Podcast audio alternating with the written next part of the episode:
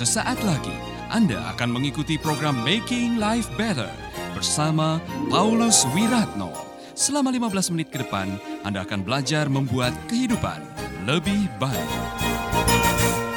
Kita akan memberikan sambutan untuk tamu kita, Pak Pendeta Joko Dwi Karyanto. Mari Pak Joko, maju ke depan. Ya, mungkin ada mikrofon satu untuk Pak Joko. Ya. Saudara-saudara tamu kita ini istimewa karena saya sudah kenal beliau sejak kami umur tujuh tahun. Jadi ini teman main, masih saudara, tetapi kisah hidupnya penuh dengan uh, penuh dengan duka dan luka. Jadi kalau saya mau mengatakan pagi hari ini adalah topik kita bagaimana mengubah kegagalan menjadi keberhasilan. Karena Pak Joko ini, waduh kalau orang Jawa bilang uripe ketulo-tulo ya. Bahasa itu bahasa aslinya, ya bahasa asing. Ketulo-tulo, masa kecilnya dia lahir tidak pernah melihat ayah kandungnya. Dan mohon maaf, ayah kandungnya meninggal oleh karena uh, jadi korban keganasan pada waktu itu uh, karena orang tuanya masuk dalam golongan mungkin G30 SPKI golongan B atau golongan apa sehingga matinya mungkin tidak ketahuan sampai sekarang di mana ada kuburnya ada jadi masa kecilnya kasihan sekali saya lihat waktu ini waduh sudah miskin jelek waktu itu ya kan ya ya, ya kan tapi dia bisa melalui masa masa sulit dan masa sulit itu justru menjadi jembatan untuk beliau berhasil merintis gereja, melayani, membapai banyak orang. Jadi saya mau tanya kepada Pak Joko, bagaimana uh, melihat masa lalu Bapak? Ya, saya sedikit cerita bahwa seperti tadi singgung Pak Paulus Wiratno. Saya satu umur usia satu setengah tahun ya, bapak saya di tahun 65 dibunuh secara sadis. Ya. Jadi dihajar, dipukuli sampai kemudian ditembak tapi hari itu belum meninggal. Dimasukkan ke apa sel dan malaman tidak diberi up. Ya. Lalu besok diseret dengan truk di Makadam jalan berbatu-batu. Itu pun belum meninggal.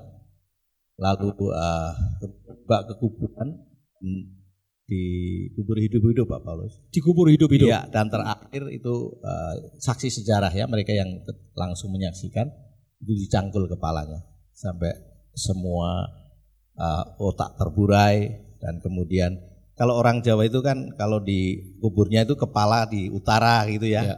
Tapi kalau bapak saya karena dianggap orang yang tidak layak jadi menghadap, menghadap barat dan timur. Dan itu uh, mengajarkan saya saat saya mulai SD itu saya tidak punya ayah jadi fatherless ya seorang yang memang itu kalau lihat anak kecil di desa dipanggul itu Pak Paulus itu hmm. cengklek gendong di belakang saya hanya bisa menangis saja. Karena aku tidak mendapatkan. Tapi begitu saya SMP lihat seorang ayah atau ibu pegang tangan anaknya saya marah sekali. Marah saya seperti itu sehingga uh, setiap kali tang malam tanggal 30 September saya gelisah sekali. Dan biasa waktu itu SD harus nonton film G30 SPKI. Ya, kalau tidak nonton nilai saya bisa tiga sejarah nilai sejarah. Dan itu dilematis ya. Di film itu tujuh jenderal disiksa sepertinya seperti itu. Tapi dalam kenyataan hidup saya, bapak saya dibunuh secara sadis. Ya, Pak apa yang terjadi di benak dan di perasaan Joko Dwi waktu masih kecil ya. SMP, waktu tahu bahwa ayahmu dibunuh secara sadis dan kau tidak pernah mengalami pembapaan. Selain marah kalau melihat ada ya, ya. Uh, anak-anak yang digendong orang tuanya. Sebagai seorang Joko Dwi yang masih SMP, masih remaja, bertumbuh tanpa ayah, apa yang ada di dalam hati? Ada dendam, ada rasa dongkol, apa apa yang ada? Uh, saya dulu bukan Kristen. Hmm. Jadi remaja itu saya beragama yang lain dan saya tumbuh dalam keadaan di mana saya luka batin ya, hmm. tertolak dan saya kemudian punya dendam kesumat ya, bukan sekedar dendam Pak Paulus. Ya. Saya ingin membalas kematian bapak saya. Dan saya di kampung itu sudah bisa buat petasan yang dari bambu petung gitu ya. ya. Dan itu tidak disulut dengan sumbu tapi dites dengan uh, baterai. Jadi itu bisa meledak, batu saja bisa hancur. Dari remaja saya sudah belajar membuat seperti istilahnya uh, bom sederhana dan itu mudah sekali. Dan saya ingin waktu itu gimana ya caranya saya bisa bergabung kepada kelompok bisa membalas kematian bapak saya. Entah anak keturunannya yang membunuh bapak saya atau uh, orang tuanya yang masih ada gitu. Saya nanti cari-cari dan ke mana-mana saya bawa uh, senjata tajam yang kecil gitu yeah. di saku karena saya sudah kalau begitu tahu siapa dia yang mungkin bersangkut paut dengan uh, kematian bapak saya, saya akan bunuh gitu. Bagaimana Bapak setelah melalui semuanya ini, bagaimana bisa berdamai dengan masa lalu yang seperti itu sebagai seorang uh, pribadi? Kapan titik pertama Bapak menyadari bahwa kalau saya membiarkan dendam seperti ini, saya yang akan rugi? Saya harus membuat sesuatu supaya hidup saya tidak diikat atau dikungkung oleh dendam masa lalu. Jadi setelah lulus SMP dan saya ingat waktu itu ada seperti apa ya ibadah kebaktian kebangunan rohani mungkin ya, namanya ya, ya. di desa saya juga desanya Pak Paulus itu tahun 1981 Waktu itu saya tahu kalau itu usia saya 17 tahun. Hmm. Kenapa? Tidak tahu karena saya tidak pernah ulang tahun. Dan saya nggak tahu pasti waktu itu tanggal lahir saya. Ya. Jadi di KTP saya 2 Juli 1964. Tapi sebenarnya ternyata 9 Juni. Kok 19... sama dengan saya sama Gitu ya. ya, ya. Saya punya tiga tanggal ulang tahun. Oh gitu ya. menurut Pak Lurah beda, menurut Ibu saya beda, menurut Bapak saya beda. Ya. Ya. Jadi yang ada sekarang di KTP 27 ya. 2 Juli 1964 tapi lahir saya 9 Juni. Jadi saya ulang tahunnya tetap 9 Juni ya. ya. Dan kemudian uh, saya seorang yang memang tidak punya figur ayah dan kemudian 1981 bertobat, tahun 82 pertengahan saya terpanggil ya hmm. untuk masuk sekolah Alkitab di Berea. Ya. Kemudian Tiga tahun saya selesai dan mulai merintis uh, pelayanan di Klaten, kira-kira 6-7 tahun. 86 mulai pelayanan sampai 93.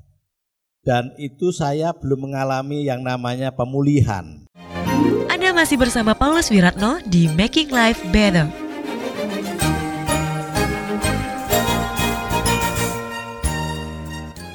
Jadi masuk sekolah Alkitab masih membawa oh, luka lama. Uh, luka lama. Dampaknya saya, apa pada waktu itu? Ya saya sangat apa istilahnya tasan itu sumbu pendek. Iya, iya. Mudah meledak uh, kemarahan, lalu mudah tersinggung, bahkan saya masih tetap uh, susah mengampuni.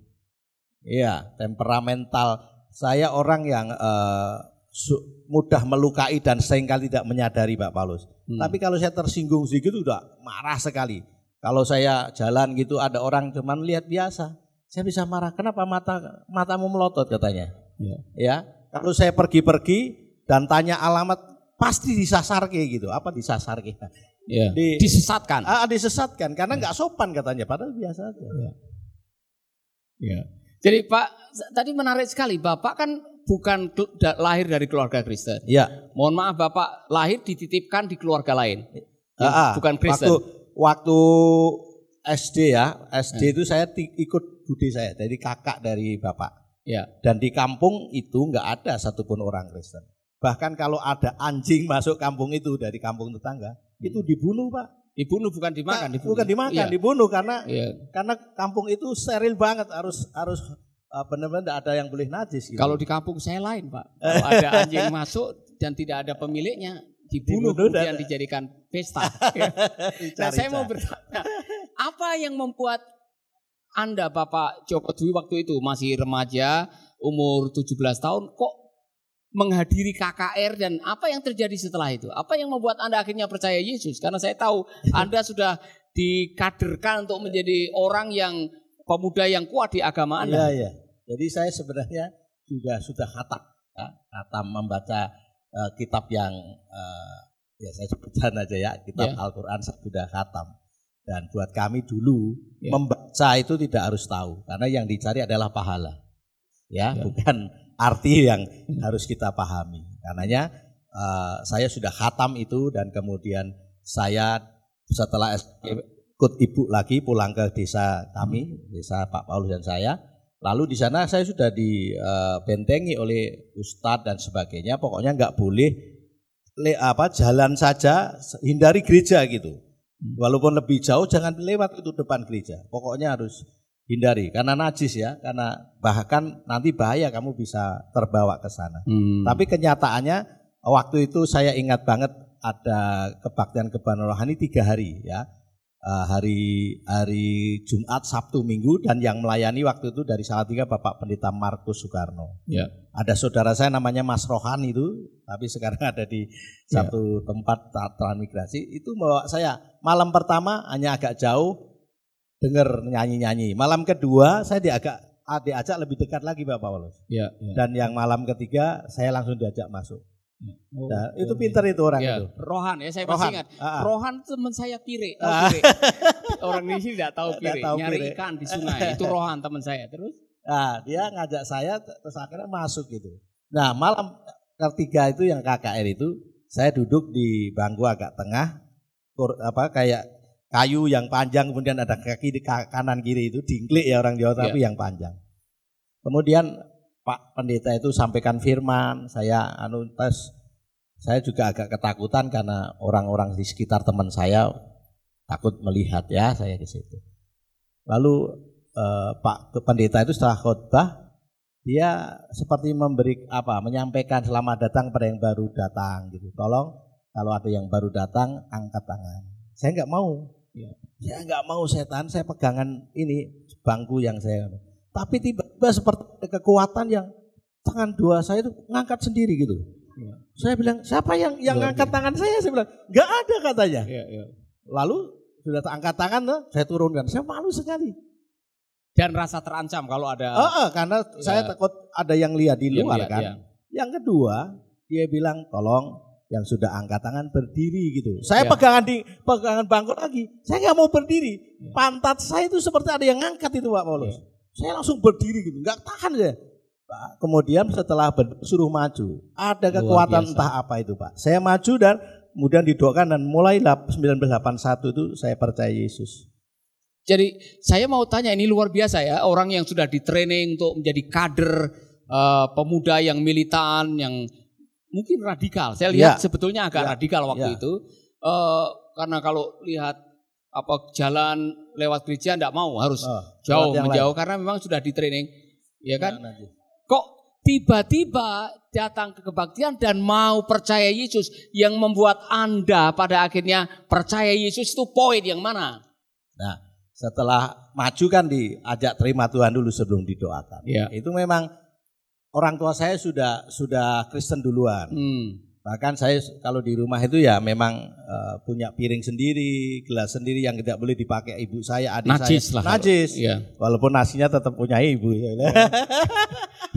saya orang bilang, "Loh, kamu nggak pakai piringmu eh pakai piringmu sendiri, tapi nasinya dari mana?" Ya dari orang tua saya. Ya itu iya. najis juga katanya. Jadi kemudian uh, saya ada seperti bukan suara Pak Paulus, tapi ada dorongan di hati itu yang saya nggak bisa tahan. Hmm. Jadi ada keinginan sebenarnya bertentangan. Saya nggak mau lu saya ini karena ya. hari Jumat saya masih Jumatan. Oh. Minggunya saya sudah mengambil keputusan untuk percaya. Gereja. Dan Seninnya ada sensus penduduk. Ya. Lalu yang nyatet apa uh, sensus itu bilang Bude, Mas Joko nganu ya agamanya ini ya. Oh enggak, sudah nganu kok kemarin saya ke gereja lu Jumat Mas ya. ke sana gitu katanya. Enggak, minggu kemarin sudah mengambil, keput mengambil keputusan saya kemudian uh, diancam oleh yeah. kelompok saya. Hmm. Jadi sudah ada yang siapkan pelintengan, ketapel. Yeah. Ya. Kemudian kalau saya saya masih uh, itu banyak orang yang tidak tahu atau pelintengan itu apa ya. ya kayak itu yang untuk membuat ya, yang ya. hampir sama dengan yang untuk membunuh Goliat itu. Ya, ya, ya. ya. Kemudian saya di saya disantet juga tapi bersyukur karena sudah percaya Yesus walaupun orang baru, santet tidak empat itu beberapa kali. Ada demi demi turan tulit setan, setan ratuyan. Ya, ya. Sahabat, Anda baru saja mendengarkan Making Life Better bersama Paulus Wiratno. Jika Anda diberkati, kirimkan kesaksian Anda ke Radio Dian Mandiri, Jalan Intan LC2, Gang 4, Nomor 1, Denpasar, Bali. Kunjungi website kami di pauluswiratno.com, Facebook Paulus Wiratno. Hubungi kami di 0811 3901 144 dan 0811 3901 140. Sekali lagi 0811 3901 144 dan 0811 3901 140.